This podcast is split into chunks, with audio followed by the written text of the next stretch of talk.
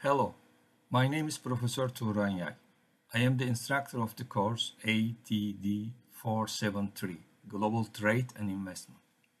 This course aims to analyze the concepts, theories, and issues in international trade and finance in the global age.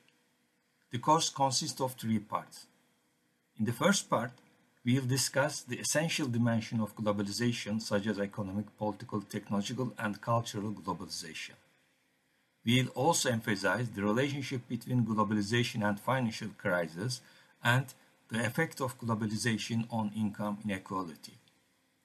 In the second part, we will make a review of the traditional, new, and modern trade theories by focusing on three fundamental questions of international trade theories. What are the causes of trade?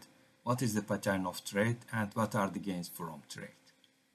In the third and final part, we'll examine the causes and impacts of portfolio and foreign direct investment on developing countries.